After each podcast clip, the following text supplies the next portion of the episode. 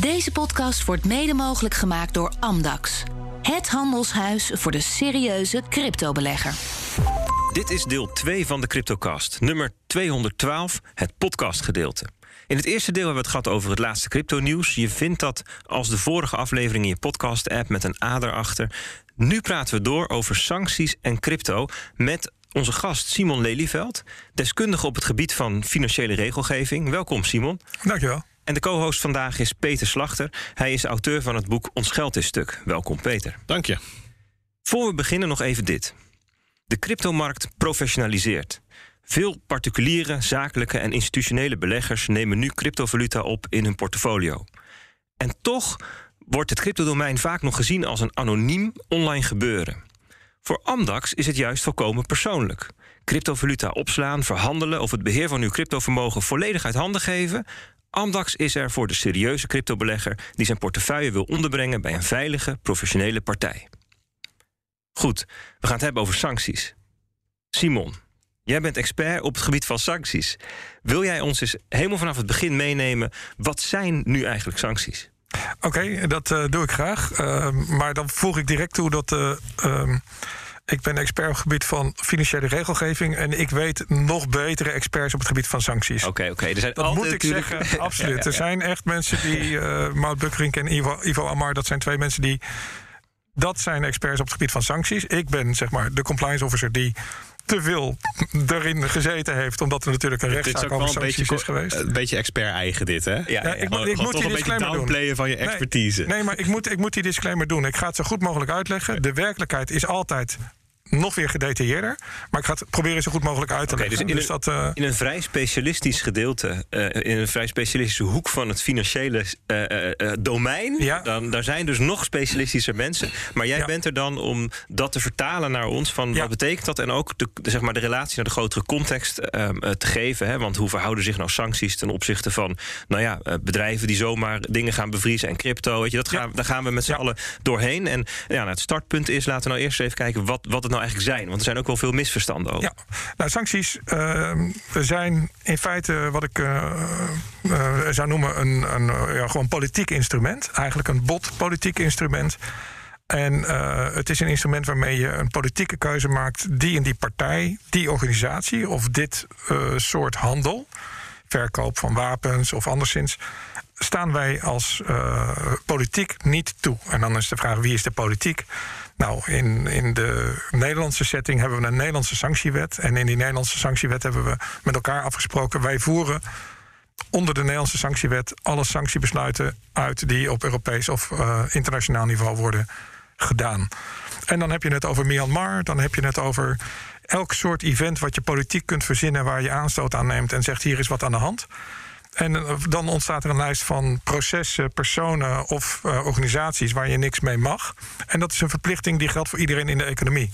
Dus het staat niet. Het is niet alleen voor banken. Nee, nee, nee. Het is geldt voor iedereen. Het is gewoon een, economie, uh, een maatschappelijk brede verplichting. Dus, dus als je dan jachten, een handelsbedrijf of zo. Of... Als jij jachten verkoopt, heb je ook met de sanctiewet rekening te houden. Okay. Altijd. Dat is niet van, ik sta niet onder toezicht van DNB. Dat heeft er helemaal geen klap mee te maken. Heel Nederland heeft te maken met de sanctiewet. Je mag geen zaken doen met gesanctioneerde personen, organisaties of, uh, uh, of handel richting ja, alles wat gekwalificeerd is in zo'n zogeheten sanctiebesluit. Dus stel dat je een, een webshop hebt of je Ja. hebt een digitale nieuwsbrief met Ja. abonnees. Ja, Dan, mag je ook, dan moet je dus ook voorkomen dat een Russische oligarch zich abonneert op jouw nieuwsbrief. Uh, dat ligt er uh, aan of die wel of niet betaalt. Ja, dat Want er betaalde mogen geen middelen in handen komen van de gesanctioneerde, zeg maar. Ja. Dus de, uh, Maar een- stel dat het zo is, een betaalde nieuwsbrief. Dus ja, dan betaalt hij toch aan jou? Ja. Ja. Dan trek je hem toch leeg? ja, dat mag dus niet, toch? Nou, de vraag is of je. Uh, daar krijg je het verschil tussen een, een niet-financieel bedrijf en een uh, financieel bedrijf. De vraag is: mag je informatiediensten leveren aan een gesanctioneerd persoon? Dat is dan de ene vraag voor jou als bedrijf. Um, en als die informatiediensten niet op de sanctielijst staan. Dan mag je, mag je mag gewoon een, uh, een, een, nieuwsbrief aanbieden, zeg maar. Oké, okay, dus de, Want het geld gaat niet van jou naar hem, maar van, jou, van hem naar jou. Dus je trekt hem leeg. Oké, dat, is, dat, dat is nog weer anders. Er komen geen economische middelen in het bezit van de gesanctioneerde persoon. Dat wil je. Je wil hem kalt stellen, dus dat is het. Uh, Dat is een bela- bela- belangrijk concept. Ja, ja. En je hebt het net over de sanctielijst. Help ons even. Dat is. Eh, nou, elk politiek besluit eh mondt uit in een ingewikkelde stuk regelgeving. Ehm, volgens mij zetten we in de show notes een linkje naar een, eh, een, een tweetstream waarin je dat allemaal na kan lezen. Dan kun je op een Europese kaart de sanctiekaart van Europa lezen. Als je daar weer in, verder in doorklikt, zie je allemaal specifieke stukken regelgeving waarin beschreven staat wat mag wel, wat mag niet. Dus dat varieert per onderwerp of per persoon. Of dat, dat, ja, dat kan een, een, een, een veelheid aan onderwerpen betreffen en landen en organisaties. Ja, dan hebben we het nu. eh, De laatste weken hebben we het eh, met elkaar over de sancties tegen Rusland. Hè? Ja. Die staan dus op die sanctielijst. Ja, je moet je voorstellen dat het. ehm, eh, in ieder geval heb je, je hebt ook informatiemakelaars die gewoon bieden gewoon aan een lijst met personen erop, een lijst met organisaties. En dat is de actuele lijst. Dus die schuimen de hele wereld af met alle sanctieregelingen. En die zetten alle gesanctioneerde personen in een lijst. En die lijst kun je kopen, die kun je importeren als bedrijf. En je kunt gewoon je klantenbestand tegen die lijst aanhouden en zien: staat de organisatie of de persoon daarop. Nou, daarnaast als je in specifieke industrie zit, dus bijvoorbeeld de, de, de dat is een mooi voorbeeld. Eh, we hebben in 2014 een serie sancties gehad, waarbij het risico was dat ze zo breed waren dat de, de, ja, de tulpenexport of de graanhandel of anderszins eh, geraakt werd met Rusland. Eh, en daar wordt dan specifiek naar gekeken. Als je in die sector zit en je doet veel zaken met Rusland, dan weet je, althans als je een beetje oplet, eh, oh wacht, ik moet wel even checken of mijn eh, tegenpartij, hè, zodra je naar Syrië, eh, Iran en dat soort landen gaat leveren, dan heb je vaak al wel een advocaat naast je staan om je te helpen. Eh, mag het allemaal precies wel of niet? Want dan zit je toch ja, in jurisdicties die je niet helemaal kent. Dus dan wil je dat, eh, zeker als het om grote bedragen gaat, wil je dat, eh, wil je dat checken. Ja, ik, ik las dus ehm, bij het tot stand komen van die sancties tegen Rusland... dat er ook een eh, soort discussie aan vooraf gegaan is binnen Europa... waarin ook landen waren, ik geloof dat Italië er een van was... die zei van ja, sancties tegen Rusland, Rusland is prima... maar we moeten wel deze uitzonderingen maken, want onze industrie... is dat ook iets wat... is, is dat hoe het gaat ook? Ja, het is een politiek proces. En in een politiek proces wordt eh, alles gedaan wat in een politiek proces thuis hoort. Dus als Draghi zijn eh, diamantindustrie wil redden en zijn eh, tasjesindustrie. En bij de tulpenbollen? Eh, nou ja, en wij, eh, nou ja, bijvoorbeeld de tuinders in het Westland, ja, Ja. iedereen kan, kan daar eh, iets, ja, iets aan toevoegen, zeg maar. En eigenlijk eh, heb je een waterscheiding kunnen zien. Want eh, tot nog toe was het zo een beetje van, ja, weet je, we gaan sancties doen. Maar de grens lag wel een beetje bij die Nord Stream en dergelijke. Weet je, ja, moeten we dan ook dat gasgedoe met eh, Rusland wel of niet afsluiten? Dat was eigenlijk een soort, een soort stille grens van, nou ja, we proberen ze te pakken, maar we gaan niet over die grens heen. En wat er nu bij Oekraïne gebeurde, is dat er een zeer collectieve, zeer daadkrachtige en grote verontwaardiging was.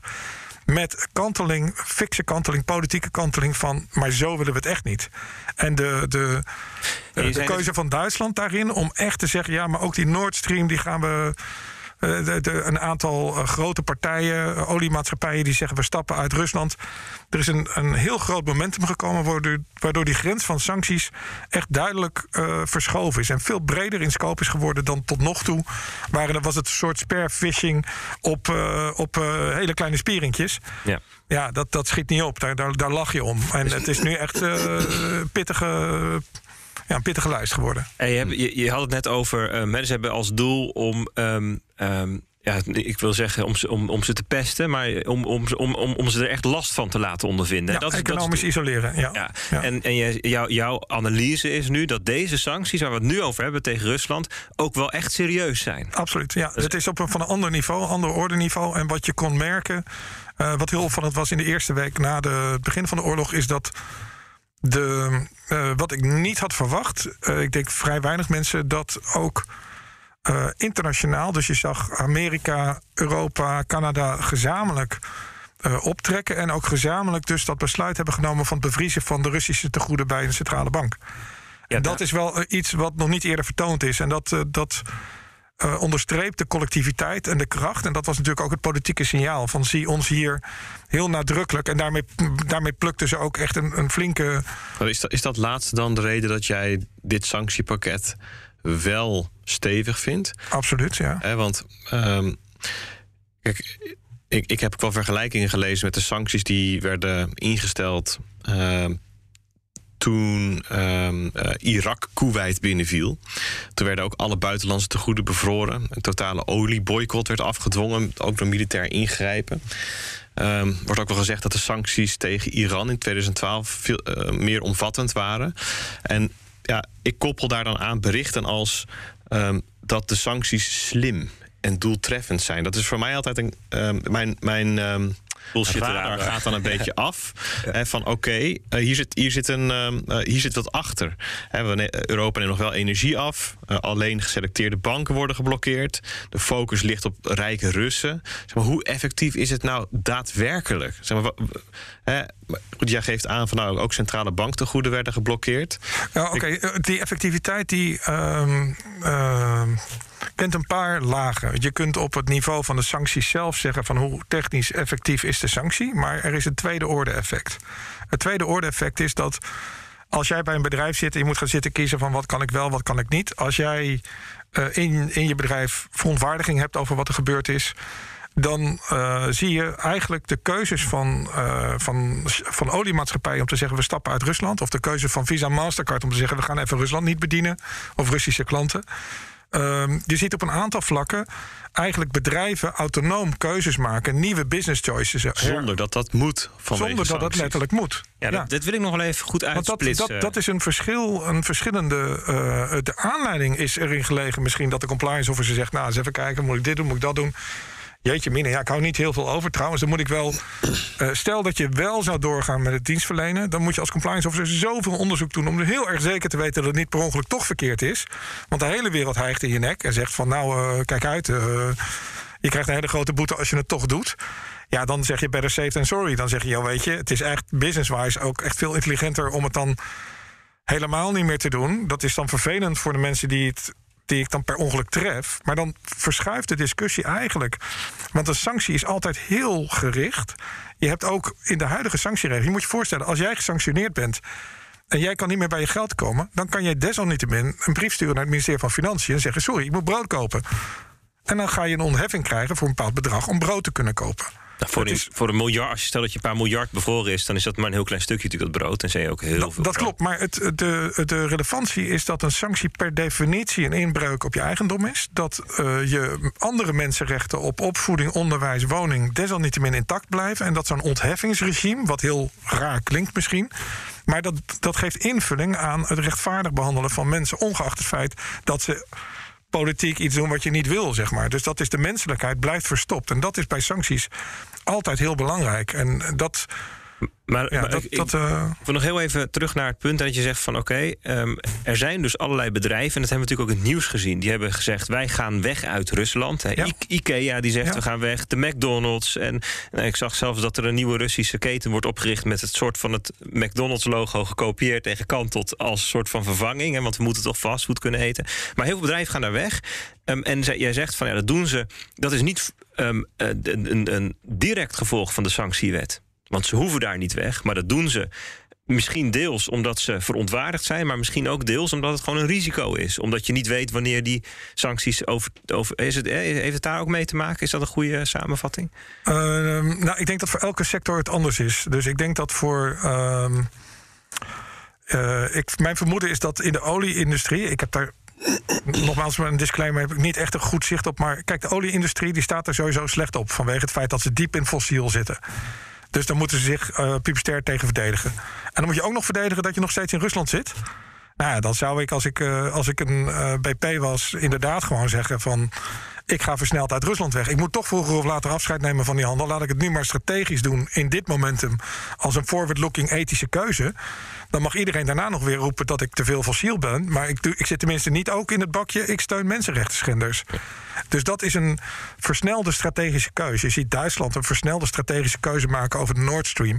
Dus je ziet een aantal bedrijven, in mijn ogen, strategische keuzes maken. die versnellen eh, vanwege de huidige situatie. En uh, ja, dat is heel begrijpelijk. Uh, en tegelijkertijd uh, zie je dan ook in het politieke domein weer een brug te ver gaan. Dus dan krijg je oproepen van... nou, laten we de trustkantoren verbieden ooit nog zaken te doen met Rusland... of laten we alle Russen dit en alle Russen dat.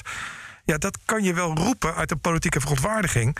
Maar als je zegt, uh, je mag als trustkantoor niet met Rusland zaken doen, dat is. Of je business moet stoppen, dat, dat, dat is echt een veel te grote brug te ver. Je grijpt in op de vrijheid van ondernemen. Je moet je voorstellen dat ook als je zo'n businessoverweging maakt als Visa Mastercard, we gaan Rusland niet bedienen, dan bedien je dus ook legitieme mensen die proberen hun eigen geld uh, te bewegen... terwijl ze helemaal niks met conflict te maken hebben. Schieten, die schieten sancties dan hun doel voorbij, vind je? Nee, maar dat is per definitie zo. Je moet per definitie opletten bij sancties dat je niet te ver gaat. En de plicht aan maatschappijen en bedrijven, dat is de allermoeilijkste uitdaging waar we voorbij lopen, omdat we allemaal lekker woke willen zijn. Maar de allergrootste plicht is dat je nog steeds blijft doorkijken naar de mens achter de mens.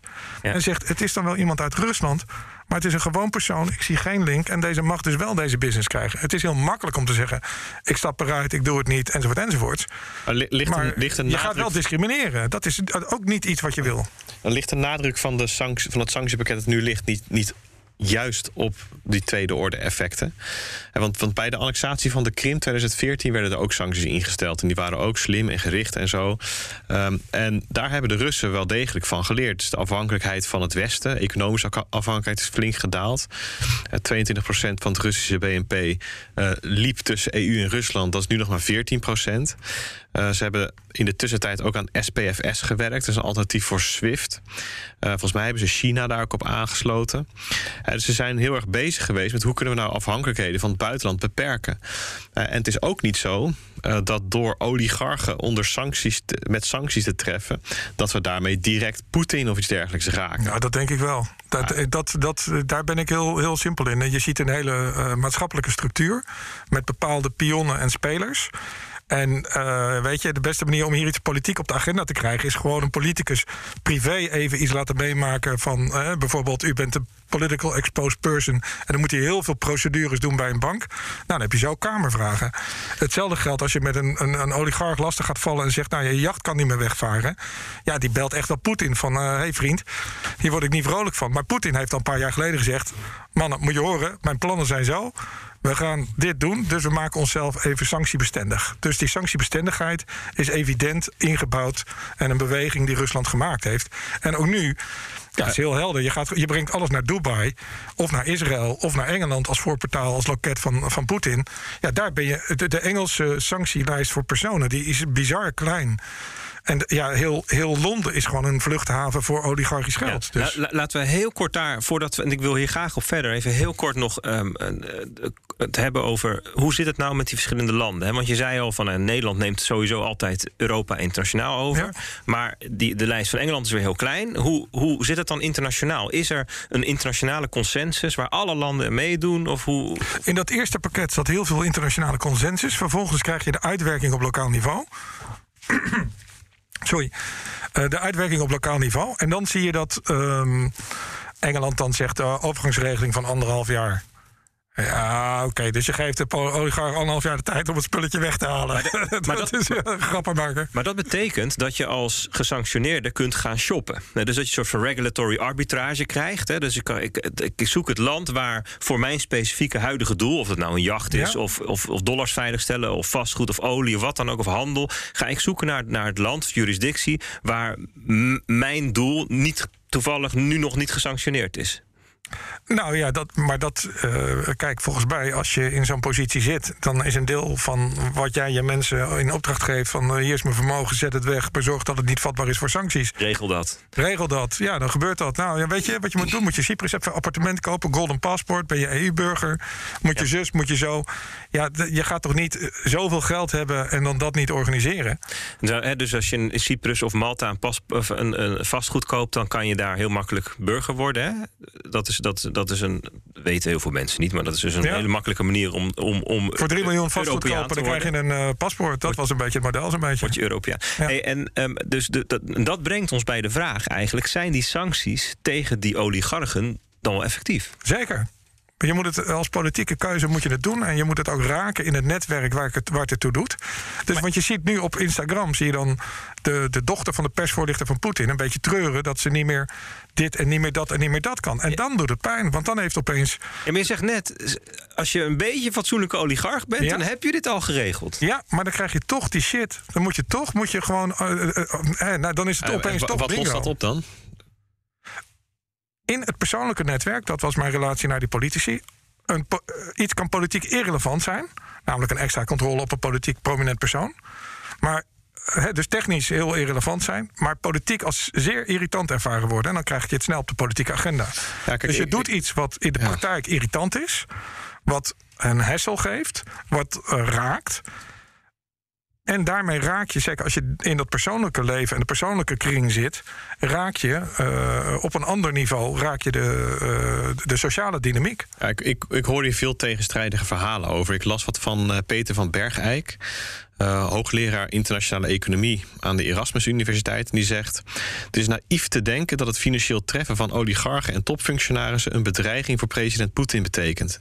Die heeft de touwtjes in handen en zijn dreigement afvalligend te straffen legt veel meer gewicht in de schaal voor wie wil overleven. En dus ik, ik zeg maar. De doelmatigheid van de sancties, dus de eerste orde effect, heb ik best wel een uh, hard hoofd in. In hoeverre dat nou echt zoden aan de dijk of, of tot verandering dwingt. Nou, ik heb in het gedrag van, van Poetin en hoe de oorlog verloopt ook niet per se nou iets uh, heel doeltreffends gezien. Um, terwijl ik de tweede orde effecten wel, wel heel duidelijk zie. Namelijk heel veel westerse bedrijven die vanwege, je noemt het deugen, zeg maar, daar vertrekken.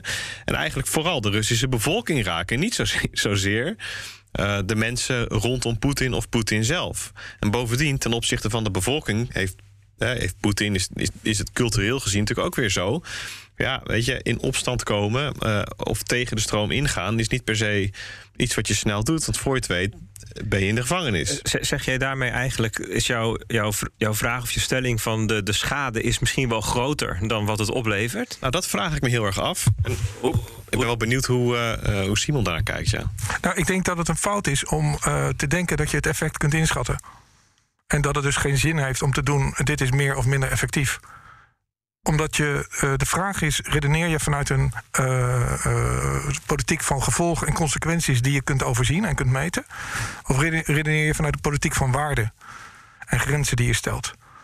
Um, en het met z'n 1700 benoemen en kijken wat het resultaat is van de sancties, is net alsof je zegt van ja, dit is de opstelling, maar zo gaan we natuurlijk nooit wereldkampioen worden de vraag is, uh, ja, dan kun je daarna zeggen: ja, zie nou wel, we hebben 4-0 verloren. Ja, dat kwam omdat we die en die niet opgesteld hebben en zo. Ja, dat. Uh, ik vind dat een heel moeilijke discussie. Ik denk dat je op waardeniveau kunt kijken naar wat er speelt. Dan trek je een streep. Dat gaat per definitie ook tweede en derde orde effecten hebben, die je niet kent. Dus dat is echt heel lastig. En uh, je plicht naar de samenleving als politiek is om ondanks alles genuanceerd te blijven. Dus een uh, je kunt je wel ideeën hebben over tweede en derde orde effecten, maar als middel moet je gewoon blijven kijken naar hoe kan ik gedoseerd maatregelen nemen die passen bij wat er zich nu voordoet. Nou, dat is dan gedaan. Nou, daar kan ik nog steeds heel veel afbreuk aan doen. Want dan kan ik zeggen, ja, maar bij Syrië hebben ze dat niet gedaan. En toen bij Georgië, waarom is het toen niet gebeurd? Ik kan nog honderd redeneringen verzinnen waarom het niet gebalanceerd is. Dat is ook allemaal andere soorten verhalen. Maar de sleutelvraag is denk ik niet is het meer of minder effectief, maar wat is het niveau van de waarde die in, in het geding is? op dit moment in de tijd. En wat is daar op dit moment in de tijd onze reactie op? En dan kom je tot een bepaald, uh, bepaalde reactie op technisch niveau. En op technisch niveau moet je hem zo maken dat hij correct is, niet te veel mensen buitensluit en getarget is. Nou, dat, ik denk dat daar de, de, de uh, ja, dat, dat daarin een gebalanceerd pakket er is, dan is er wel de wens om het breder te maken. Als, als opslinger-effect. En we moeten nu dit en we moeten nu dat. Dat kan zijn. Maar in de kern is het een heel, heel ja, een bruut instrument. Je probeert het gedoseerd toe te passen. En je probeert de bijeffecten te mitigeren. om te voorkomen dat onschuldige mensen geraakt worden. Vind je dat dat laatste goed gebeurt nu? Of maak je zorgen over die onschuldige mensen die hierdoor geraakt worden? En wat dingen die bijvoorbeeld geroepen worden, is ook van ja, doordat al die westerse bedrijven nu weggaan, kunnen de Russen, die worden ook eigenlijk eh, nog verder geïsoleerd. De gewone Rus, en die wordt misschien wel, krijgt misschien wel het idee van ja, zie je wel, die westerse mensen zijn inderdaad, Poetin heeft gelijk, zijn inderdaad lelijk tegen ons. Hoe, hoe kijk je naar die, zeg maar, de effect op de gewone burger, de goedwillende burger, zeg maar? Nou, die is nogal groot, ook bij het huidige pakket. Want uh, die wordt gewoon opgesloten in een nieuw Noord-Korea dat is de bottomline van, van het verhaal. En, en de, de vraag is ook hoe ver. Het is niet voor niets dat graanleveringen en landbouw en dergelijke heel lang en olie heel lang intact blijven. Niet alleen omdat wij het in Europa nodig hebben, maar ook omdat je niet volledig iemand op een hongerdieet wil zetten, zeg maar. Nou, dat zijn, de, dat zijn uitermate lastige vragen. En ik heb, ik heb op geen enkele manier daar het antwoord op. Maar ik zie wel dat er te makkelijk over die humanitaire kant heen gesprongen wordt. Van ja, we moeten nu ook gas en energie stilzetten. Ja, dat kun je wel heel makkelijk roepen. Allemaal 17 miljoen bondscoaches. Maar er zit daar ook een volk aan de andere kant. Stel je voor dat je daar zit. En dat zijn, dat zijn, ja, dat, dat zijn super. Daar heb ik het antwoord niet op. Dat zijn echt lastige politieke afwegingen. Maar ik heb de indruk dat nu, in de tijd van nu, een, een keuze gemaakt is. Uh, met een zwaarte en een impact die heel duidelijk laat zien hoe we vinden dat welke grens overschreden is. Je hebt een opslingereffect waarbij ik eigenlijk denk, daar zal ik me niet populair mee maken, maar dat we te ver gaan. Dat we het risico lopen in een soort maatschappelijke uh, trend. Ja, allemaal maar dan even. Die, die, eerste, in die eerste week uh, nadat dit allemaal gebeurde, was het bijvoorbeeld dan in Amerika van die beelden van van uh, uh, eigenaars of restaurants van Russen die gevlucht waren uit Rusland, die dan helemaal beklad werden, al dat soort zaken. Je moet heel erg oppassen als politiek dat je niet een, een, uh, een strafexercitie ontlokt door allemaal makkelijke populistische uitspraken die veel verder gaat dan nodig is, die allemaal onschuldige mensen raakt. Dit is, dit is echt op eieren lopen. Dit is super moeilijk. En ik ben dan toch voor bescherm dan die onschuldigen hou dat ook in het zicht. Want je zal maar aan die andere kant zitten en de ellende en dat helemaal niet willen. En dan geen, geen brood meer hebben, of geen suiker meer kunnen kopen, of geen melk meer kunnen krijgen. Ja. Dat is uh, super moeilijk. Ja, ik, ik, ik, dit is denk ik een heel goed punt om ook eens even te gaan kijken naar wat, hoe, dat, hoe, hoe de rol van Bitcoin of van crypto assets dan zijn in dit verhaal. Hè? Want daar speelt dit natuurlijk ook. Hè? Want, eh, want, want uh, al vrij snel um, na, na het begin van die sancties. Um, kwam de roep vanuit de politiek, de oproep eigenlijk aan alle grote crypto-platformen om alle gewone Russen buiten te gaan sluiten. Ja. Hoe kijk je daarnaar? Nou, dat is een oproep die uh, politiek van aard is. Als je technisch ziet, dan zie je dan eigenlijk alle cryptobeurzen reageren van ja, waar heb je het over? Wij uh, voldoen aan alle eisen. Wij zetten iedereen stil. We hebben die lijsten. Uh, ja, we doen niet meer dan wat nodig is. En dat is juist vanwege dat humanitaire effect relevant. Omdat je zegt, ja, de, de wat politiek besloten is, voer ik uit. Maar wat politiek niet besloten is, betekent dat ik de rest van de mensen in Rusland wel gewoon kan blijven bedienen. En zeker bij Bitcoin geldt dat het een waarde. Uh, verplaatsend vermogen, uh, uh, functionaliteit heeft, die super relevant is in deze tijd. Um, die wordt dan politiek geframed als daar gaan de oligarchen. We gaan er eens even.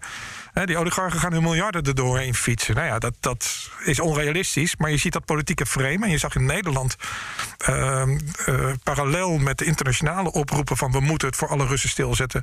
Zag je dus de Belangenvereniging VEB dat doen. Die zijn gewoon prima ingetuned op de internationaal regelgevende sfeer. We moeten het, uh, het stilzetten. Uh, ik vind dat je daar dan te ver in gaat. Want als jij vindt dat je niet moet discrimineren op nationaliteit als mensenrecht, dan moet je niet discrimineren op nationaliteit. Punt.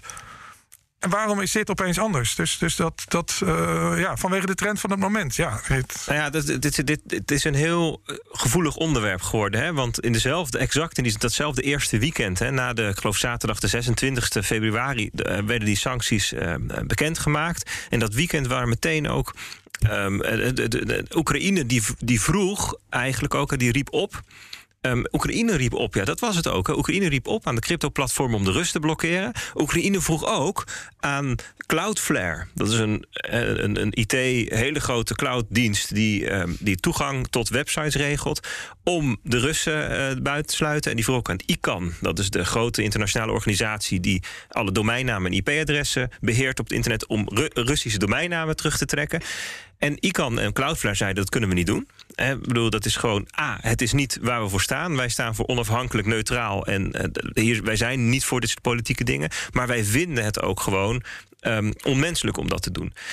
Dat werd allemaal eigenlijk best wel geaccepteerd. Maar dat die, die cryptobrokers dan zeiden van dat gaan wij ook niet doen. Dat was, hoe durven ze die vuile, liberale, libertarische... weet je wel, dat was dan toch de, de afdronk. Ja, nee, er, er zit, ja, er zit in dat onderwerp... Eh, misschien moeten we Swift daarin ook noemen. Want dat is best een... Um, uh, wat super complex is, en ik noem dat in, in een van mijn artikelen tweede en derde orde effecten, omdat het gewoon zo verschrikkelijk door elkaar loopt allemaal. Kijk, een Zelensky die zegt. Kijk, als je iedereen op de sanctielijst zet, zeg maar. Dan maakt het in die end niet zo heel veel uit of, of iemand dan wel of niet in Swift zit. Want hij staat toch op de sanctielijst. Hij is toch besmet. Dus ja, uh, hij mag niet per postduif, niet per Giro. En niet per Swift mag hij overmaken. Ja, weet je. Dan maakt Swift niet zo heel veel uit. Maar als uh, president van een land in nood oproept: gooi die handel op Swift dicht. Dan kun je dus aan de ene kant heel technisch redeneren. Ja, dat maakt allemaal geen bal uit. Maar wat is het signaal dat je afgeeft als je daar geen gehoor aan geeft? Dus dan zeg je misschien, ik ga dat doen, want ik ga nu een pakket maken wat misschien technisch, waar ik gedeeltelijk van weet dat het geen effect heeft. Maar ik wil het toch heel duidelijk maken richting Rusland. En ik wil die mensen niet in de kou laten staan die mij dat vragen. Dus dat maakt die hele afweging van hoe ver ga je in dat sanctiepakket nog een keer ingewikkeld. Omdat de social media druk is van ja, we laten Oekraïne dus barsten. Als je het niet doet. Ja, dus, dus dat, dat, nou, super, super ingewikkeld. Oké, dus dit was, dit was even één discussie die zich toen afspeelde. Hè, van zouden, zouden die crypto-platformen eh, als antwoord op de Oekraïnse oproep dat moeten gaan doen? En een, een andere discussie die in de week daarna ontstond was... ja, maar bitcoin en dergelijke kunnen gebruikt worden... crypto-assets kunnen gebruikt worden om de sancties te ontlopen. Dat werd echt een uh, frame onder bepaalde politieke uh, groeperingen, zoals de VEB, hè, die jij al noemde, die riepen dat ook in een brief. Ja. Uh, bepaalde politici. En Elizabeth Warren, dat is een uh, Amerikaanse senator volgens mij. Um, corrigeer me als het niet goed is, Peetje. Ja, dat soort dingen altijd. En die, die, um, die, die vindt dit ook. Die, is, dat is echt, die heeft een beetje bitcoin als anti-hobby. Dus die probeert eigenlijk alles wat er gebeurt in de wereld aan te grijpen... om bitcoin zoveel mogelijk verboden te krijgen. En die zag hier ook weer een knuppel om te mappen. En die ging uh, een aantal experts oproepen om daar aan de vraag te stellen kunnen sancties, uh, kan Bitcoin gebruikt worden om sancties te ontlopen? En haar, haar uh, zeg maar het scenario wat ze dan voorlegde was: stel je bent oligarch en je hebt een miljard en je wil dat Rusland uitkrijgen helpt het om Bitcoin te gebruiken? We gaan even luisteren naar um, um, die, die, zeg maar, dat gesprek tussen Elizabeth Warren en Um, uh, even kijken, Jonathan Levin, medeoprichter van Chainalysis. Dat is ja, de, het grootste blockchain-analysebedrijf op dit gebied. Ook, wordt ook gebruikt door de Amerikaanse overheid zelf. Um, en nou ja, goed, luister maar eens even mee. But the question I'm asking is: Does hopping from one blockchain to another, does depositing tokens in a couple of wallets that don't require them to provide identifying information, and does using a mixing service all make it easier for him to hide his money? So, Senator, the answer to that question is no, because the chain hopping that occurs, you need uh, to actually provide the tokens, which in a transparent way that allows you to move across blockchains. We've actually got software that allows so you. don't you think to, chain hopping makes it any easier I, to hide your money? How about depositing tokens in wallets that don't require identifying information? You can always split the money up into wallets that don't require. And that would help but, hide the but, money. And how about using a but that does that, that, doesn't remove the record of where the money actually sits. But the question so I'm asking is does it make it harder to track the money? No, so it doesn't make it harder to and, track the money and because using there a mixing is, service, you're telling me doesn't make it harder to launder money? The the daily liquidity value of mixing services globally is about thirty million dollars. So and you might so have therefore to do this it would, day by would, day. It, and we have done extensive work in tracking large sums of money through mixers that have led to the arrests of well, people and the disruption of their activity. Peter, vertel. Ja, je zit hier nee te schudden. Ja, hier ontploft mijn hoofd dus echt van. Dit is een schoolvoorbeeld van een politicus die vastzit in de eigen verhaal, in de eigen frame. Uh, iemand voor zich heeft in een officiële hearing. Dat was een, uh, een hearing van een uh, economisch comité van de Amerikaanse regering. Ehm, en die nodigt dan, en dus die zit dan voor je, echt een expert op het gebied van uh, blockchain-analyse en manieren waarop sancties wel of niet eventueel omzeild zouden kunnen worden en waarom dat wel of niet um, zeg maar een, passend idee is in deze tijd. Um, dan krijg je een antwoord en die onderbreek je dan na drie woorden. Weet je, om vervolgens weer even je eigen verhaal erbovenop te plakken. Van, oh, oh, nou, als je daar niet het juiste antwoord op geeft, zo'n signaal geef je eigenlijk. He, van, dat, meneer de expert, als u daar niet het juiste antwoord op geeft, nou, dan luister dan even naar deze vraag, waarin ik wel iets anders suggereer. Oh, dat is ook niet het antwoord wat ik, wat ik hoopte te horen. Nou, laat ik het nog op een andere manier proberen. Dus toch uh, ongelooflijk dat, dat, je, dat, dat, dat dit soort dingen in de politiek gebeuren, heeft helemaal niets te maken met um, zeg maar op een objectieve manier informatie verzamelen. En die objectieve ingrediënten in een pan gooien om daar vervolgens iets mee te bakken. Dat begrijp ik. En dat is nodig, want je hebt niet alle kennis in huis. Maar maak het er niet zo'n toneelstuk van. Dat is mijn, uh, zeg maar, mijn primaire reactie op, uh, op dat fragment. En ik vind het zo um, bijzonder dat deze tijd en ook deze tijdsgeest aangegrepen wordt.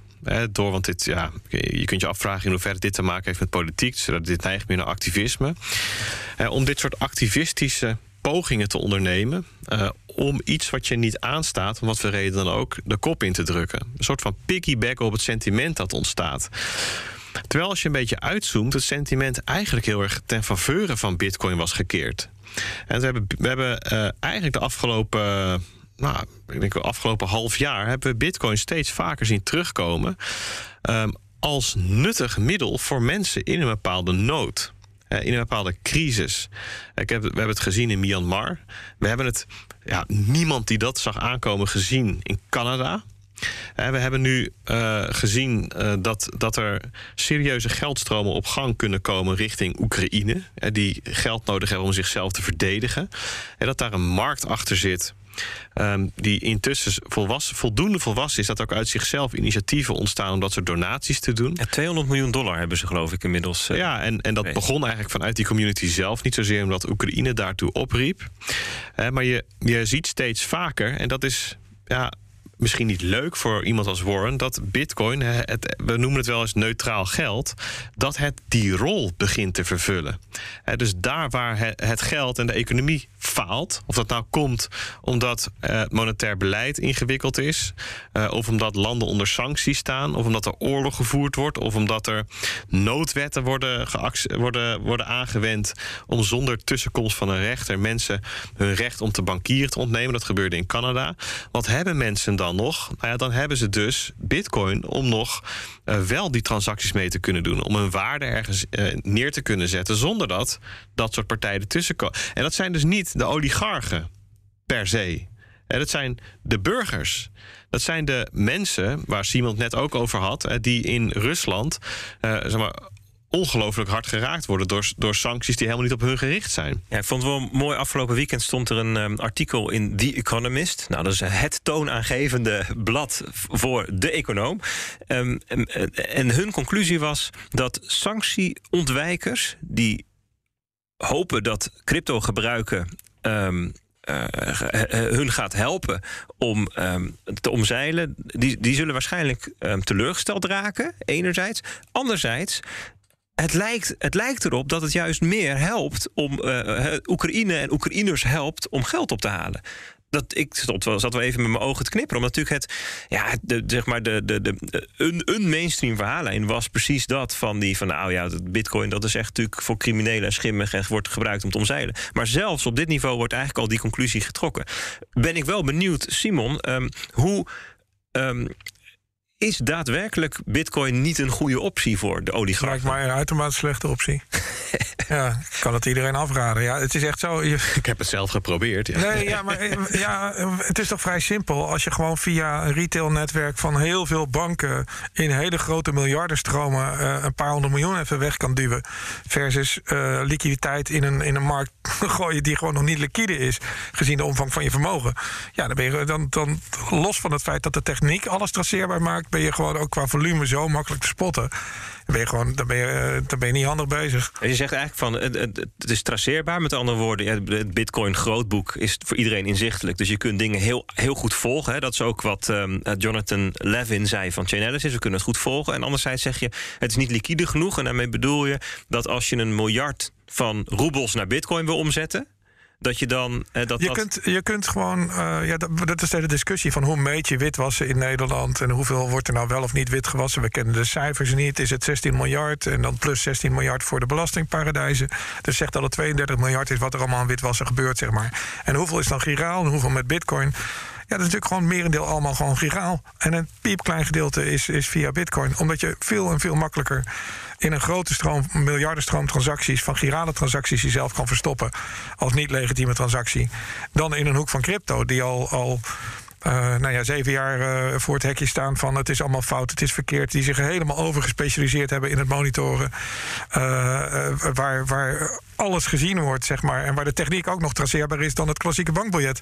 Waarmee je onge ongezien dingen kunt transporteren. Dus, dus qua technologie, qua aandacht in de media, qua effect in de markt wat je hebt, is het denk ik, niet rationeel om, om crypto te gebruiken als vehikel als je oligarch bent om dingetjes weg te, weg te schieten. Oké, dus jij, jij, jij sluit je eigenlijk aan bij de analyse die, hè, die we net gehoord hebben. Nou, nou wil Peter. er, is, nog één ding wat ik naar aanleiding van wat Peter zei. Um, dat momentum gebruiken om je eigen ding te doen, dat is natuurlijk niet nieuw. Ik, ik, moet, de, de, de kleur van dit, dit verhaal doet me heel erg denken aan die parlementaire enquêtes die we in Nederland hadden bij de financiële crisis. Dan kreeg je ook een ja, een soort uh, overgehypte uh, verontwaardiging. En dan was het ook allemaal niet goed wat je als, als bankier als antwoord gaf. Want het was gewoon niet goed. Je was gewoon stout. Dus u had securitisaties op de balans. Ja, ja, natuurlijk had ik securitisaties op de balans. Dan heeft u toch meegedaan aan het schimmige spel op de financiële markten. Nou nee, ik heb er best wel goed opgelet. Ik heb het, zo, het maakte niet uit wat je zei. Het antwoord was fout. Dat was eigenlijk al veroordeeld voordat het Precies, en dat is dezelfde kleur en emotie die je ziet soms heeft. Uh, want ik ik ben daar niet van. Ik vind dat ook niet echt helemaal logisch. Maar je moet wel onderkennen dat maatschappelijk gezien het heel belangrijk is dat je een arena hebt waarin die verontwaardiging eruit komt. Hoezeer je ook onterecht vindt. We hebben een politiek en een politiek proces waarin dit soort dingen gezegd moeten en mogen worden om stoom af te blazen om je visie neer te zetten. Dus, dus, ja, als er dan uh, ook maar iemand is om een beetje tegengas te kunnen geven. Nou ja, nee, ja, uh, ja, soms moeten de dingen procesmatig gebeuren. Zonder dat ze logisch, inhoudelijk, rationeel of anderszins zijn. Dus ik, de, dus ik deel je analyse, die, die kleur. Uh, maar dat ook dat heeft zijn plek in een proces waarin een maatschappij zich probeert te verhouden tot een relevante ontwikkeling. En dat zijn we met z'n allen aan het doen. Er is iets heel groots gebeurd. Er loopt iemand met een hang-up over bitcoin. En tegelijkertijd komt die oorlog. En dan ga je die twee aan elkaar verbinden. Omdat je denkt, nou, ik, ga, ik kan dat ding het ene mooi en het andere knopen, kijken of me dat lukt. Ja, dat is, dat is politiek, dat mag, dat het is niet charmant, maar, ja, ik vind, ja, dat kan. Ik, ik, begrijp dat hè, en ik vind dat ook een best wel mooie inbreng. Hè, dat je zegt van nou, we moeten ook met elkaar, dit is een soort van gezamenlijke rouw, we moeten, we moeten gezamenlijk verwerken. Of, wat dat dan ook is. Ja. Ja, verzin het maar. Alleen dan is het, dat, dat, dat onderstreept wel het belang dat nadat we er even met elkaar op hebben kunnen renten, dat er dan wel iemand is die zegt van nou jongens, Hè, uh, goed dat we het over hebben, maar dit is hoe het zit in de ideale wereld, want ik denk dat we, uh, uh, wij alle drie hier zeg maar een soort van uh, rationalistisch van op een gegeven moment moet je toch de echte puzzel leggen totdat de puzzel stukjes vallen, zeg maar. Dat is de soort, soort ideaal. Daar ben ik heel erg van. Maar in de feitelijkheid uh, gebeurt dat niet. In de feitelijkheid zijn we in de mist aan het tasten, ons aan het verhouden tot hele moeilijke vraagstukken. We proberen een puzzel te leggen die we zelf nog niet eens kennen. We leggen maar wat stukjes neer. En of ze kloppen, nou, uh, misschien dat we over tien jaar ontdekken dat ze echt volkomen verkeerd liggen. Nou, dan hoop ik dat deze podcast ook in de mist een soort baken kan zijn. Hey, ik, wil, ik wil graag, want um, we zijn het anders veel te veel met elkaar eens. Ik vind oh jee, Peter, ja. Peter die had een gedachte, die zegt van ja, misschien heeft Warren ergens wel gelijk, maar niet vandaag, oh, oh, oh. maar in de toekomst. Want wat nou als Bitcoin in de toekomst daadwerkelijk ja. veel moeilijker traceerbaar wordt? Vertel. Kijk, um, kijk het, het punt is.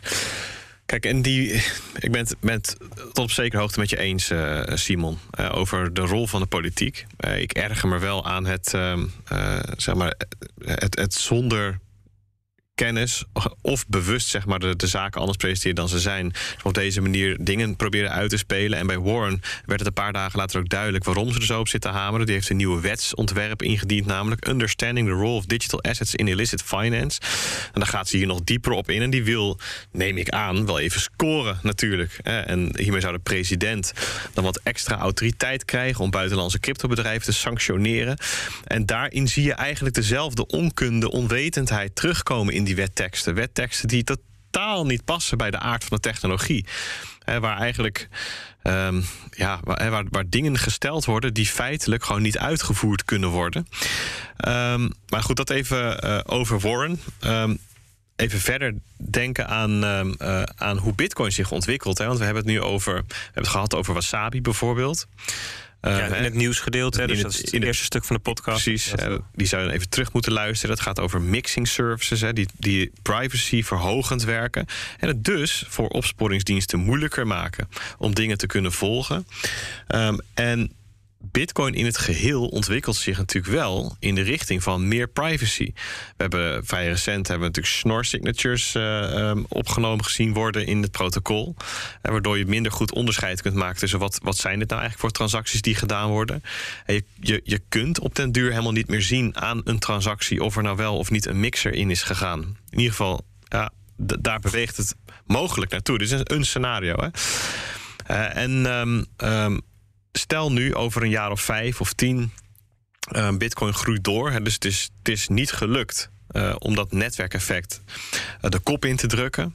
om wat voor reden dan ook. En dan kan het zomaar eens zijn in dat scenario dat er veel meer liquiditeit in de markt zit. Dat is wel aannemelijk dan. Het zou ook zomaar kunnen zijn dat het minder afhankelijk is van centrale tussenpersonen. Dus dat de decentrale economie meer op gang is gekomen. Misschien dat mensen onderling wel bitcoin ruilen tegen producten. Waarom niet? Uh, tegen die tijd is, is uh, ik zou niet weten wat bitcoin dan waard is. Hè, maar de volatiliteit is er misschien wat uitgegaan. En de liquiditeit is hoger geworden. Ja, kijk, in dat scenario heb je, heb, dan is bitcoin dus wel heel geschikt om waarde te verplaatsen. Zonder dat mensen het ja, zien. Ik vind dat echt zo'n onzin. Ja, laat ik hem nog even ingooien. Vertel, vertel. ja, weet je, dat is onzin. Dan zit je in enorm in een frame. Alsof alles wat met opsporing te maken heeft... rust op dat hele kleine dingetje bitcoin van A naar B. Terwijl je ziet dat iemand ergens geld heeft. Iemand verdient geld met dit. Iemand heeft zus. Iemand heeft zo. Er is zoveel meer in opsporing mogelijk... als bronnen van informatie dan het even kijken in die financiële stroom. We zijn verslaafd geraakt aan het kijken in de financiële stroom. We denken hemel en aarde kunnen redden door daarin te kijken. Joh, zet het stil. Kijk niet in de financiële stroom. Geef meer geld aan de politie en laat ze opsporen wie de boeven zijn. Dat is tien keer efficiënter dan met z'n allen bij elke legitieme transactie checken wie doet wat naar wat. En waarom krijg ik nou een betaling van, van knap. Uh, oh, dat was van de crypto. Nou, meneer, wat heeft u gedaan? Ja, ik heb geadviseerd voor een cryptobedrijf. Oh ja, just checking. Bedoel je dan dat die potentiële obscuriteit van Bitcoin eigenlijk omarmd moet worden? Is volstrekt irrelevant. Het is voor cash irrelevant. Je kunt alles verstoppen. Als je wilt, kun je het verstoppen in allemaal legitieme dingen. Het gaat er helemaal niet om of je dat dan even lekker makkelijk uit die financiële stroom kan, kan putten. Want dan ben je gewoon een hele dag bezig in die financiële stroom te grutten. Je moet je opsporingsprioriteiten op orde zetten. Daar moet je resources naartoe laten gaan. En dan heb je alle middelen. En die middelen zijn camera's, drones, observatie, whatever. En misschien ook even af en toe kijken in de financiële stroom om je bewijs compleet te maken. Maar de wereld omdraaien en een hele bak mensen die niet opsporingsbevoegd zijn in de rivier van data laten zwemmen en maar proberen hopen dat ze dat spieringje eruit halen, dat er ergens een walvis aan vast zit of wat dan ook volstrekt inefficiënt en achterhaald. En daar is iedere keer dat vertoog op frustratie van, de, van Simon, de compliance officer, naar boven komen? Nou ja, het is volstrekt onrechtmatig om het betalingsverkeer één op één te controleren. Dat is gewoon een massasurveillance in strijd met de VN-regels. De, daar, de ik, daar ben ik wel klaar mee, ja. De, de Bank uh, of International Settlements die heeft in een rapport uh, heeft het over geld met ingebouwde surveillance. Dat hebben we nu. Als, jij, als, als jouw geld naar de verkeerde entiteit gaat, komt het niet aan. Nou, dat kan helemaal niet. Want onder de Europese regels hoort jouw dag de volgende, uh, je geld de volgende dag op een andere reken, bankrekening te staan. En toch kan het in de wachtstand komen. Waarom? Omdat het gaat naar nou ja, uh, een bestemming die de bank niet goed vindt. Ja, dat is dat. Ja, weet je, we hebben die surveillance al. We denken China is ver weg. China is er al. Wat zijn we aan het doen bij transactiemonitoring Nederland? Alle transacties aan het monitoren. Ja. En dan ga je collectief op de zwarte lijst. Dus niet bij één bank, want het is lekker handig, lekker efficiënt. Ga je direct bij alle banken op de zwarte lijst. Dus, als er iemand een fout maakt in een analyse en een beoordeling, hop, nou dan kan jij niet in het betalingsverkeer. Dit, dit, dit- Zo'n situatie zoals we er in, in, in Canada zagen met die truckers, hè, dat, eh, dat de Canadese overheid zegt: "Pst, deze 200 mensen uitsluiten, dat is in Nederland eigenlijk ook maar één stap weg. Nee, die is er nu al, maar op grond van zelfregulering. En dan geven de banken een hele grote schouderklop dat ze in transactiemonitoring het gezamenlijk doen. Want dan doen zij tenminste gezamenlijk, zodat de overheid niet een regel hoeft uit te vaardigen om dat te doen. Dat ze, eh, eh, we verplichten niet, eh, wij schieten niet in de voeten van de klant, maar we maken banken zo bang voor alle boetes dat ze zichzelf in de voeten gaan schieten en hun eigen klanten. Dus alles wat ook maar ruikt naar risicovol, dat wordt dan. Nou dit is de, de, de, de centrale discussie in Europa rond het eh anti-money laundering pakket van dit moment. Is een gevecht tussen aan de ene kant de autoriteit persoonsgegevens en aan de andere kant de autoriteiten eh, opsporing. Ehm, voor mij is heel erg de vraag, omdat die eh, autoriteiten persoonsgegevens collectief de hele tijd zeggen: jongens, dit kan niet. Het is massasurveillance in strijd met de mensenrechten. Ik zag ook een maand geleden in de Telegraaf een artikel met een bestuurder van de autoriteit persoonsgegevens. Die zei van dit is massasurveillance. De Europese club van autoriteiten persoonsgegevens heeft gezegd: wij gaan zelf ingrijpen bij banken, eh, bij overheden. Als de regels niet kloppen, gaan wij daar zelf eh, werk van maken. Nou, dat, dat zag ik al aangekondigd worden in de Telegraaf. Dus, dus die strijd, hoe ver kun je gaan en gaan we stoppen met dat vissen in die stroom? Die is volgens mij op dit moment in Europa super actueel. En, en, en ik ben heel benieuwd waar die komt. En omdat die er gaande is, eh, ben ik natuurlijk even duidelijk stelling aan het nemen. Ja, nee, helder. En ik denk ook dat het, dat, dat het belangrijk is dat we ons realiseren dat. hè, dus dat gewoon transacties kunnen doen als mens. Hè, dat je het, dus kijk, het gevoel dat je gesurveilleerd wordt als mens, als burger, zorgt ervoor dat je je gedrag gaat aanpassen. Hè, dat, dat je dingen die voor je gevoel risicovol zijn, van nou, als ik dit doe, en, als ik deze transactie doe. Dan zou ik misschien over vijf of over tien jaar, als iemand anders aan de macht is, ben ik misschien de pineus, dus ik ga het maar niet doen. Eh, dus dat is, het, is ehm, het, het kunnen doen, in, eh, in, in privacy kunnen doen, in vrijheid kunnen doen eh, van transacties, is eigenlijk een mensenrecht. is eigenlijk ontzettend belangrijk voor de open samenleving die we hebben. Dus het is geen klein onderwerp waar we het hier over hebben. En van groot belang. Dus ik ben, ik ben blij met je, met je rant. Sorry. En, eh, ehm, ehm, ik denk ook, we gaan, we gaan ook richting de afsluiting van, van, van de podcast. Ehm, eh, als je dit interessant onderwerp vindt, volg Simon ook op Twitter. Eh, we zullen de, de link naar je Twitter-account ook in de show notes zetten. Want ja, je, je, je hebt regelmatig analyses hierover en, en rants. Dus dat wisselt elkaar leuk af. Dus dan, ehm, dan kun je daar meer eh, eh, over lezen. Ehm, voor we naar het einde toe gaan, ja, ik, ik ben benieuwd, laat ik bij Peter beginnen. Is er nog iets wat we gemist hebben of wat we nog eigenlijk even zouden moeten noemen? Nou, volgens mij niet. Ja, ik, ik, eh, ik, ik las in het draaiboek wel iets over een luisteraarsvraag nog. Ik weet niet of we die nog langs willen laten komen. Of dat je die liever even achterwege laat. Eh, maar volgens mij hebben we over, het, ehm, eh, eh, ja, over dit onderwerp. hebben we, hebben we, ja, kijk, dit, dit nodigt uit tot ontzettend veel wedervragen nog. Ook die rant natuurlijk. Hè, over, over het belang van kunnen bestrijden van misdaad. het financieren van terrorisme versus het, het recht op privacy. Maar ook wat doelmatige manieren zijn om dan criminaliteit op te sporen. Ja, ik denk dat we nog uren over kunnen praten. moeten we denk ik een aparte podcast over maken. Want eh, daar zijn Ja. we zo weer een half uur verder. En dan, eh, dan wordt eh, Daniel boos. Dus Ja, jou ook. één, nou, één ding. ik denk dat, dat als je het in de Bitcoin-context plaatst. En dan is het belangrijk om te zien dat de rechtszaak van Bitonic verband hield met hoe ver moet je gaan in het kader van die sanctiewet. En de Nederlandse bank vond eigenlijk dat je zelfs degene aan wie je geld stuurt, dat je die moet verifiëren. Dus die sanctiewet is ook nog een keer gebruikt in de cryptowereld om verder te gaan en de poorten voor peer-to-peer bitcoin dicht te zetten. En dat is een ding om te benoemen. eh, dat is inderdaad een verhaal apart.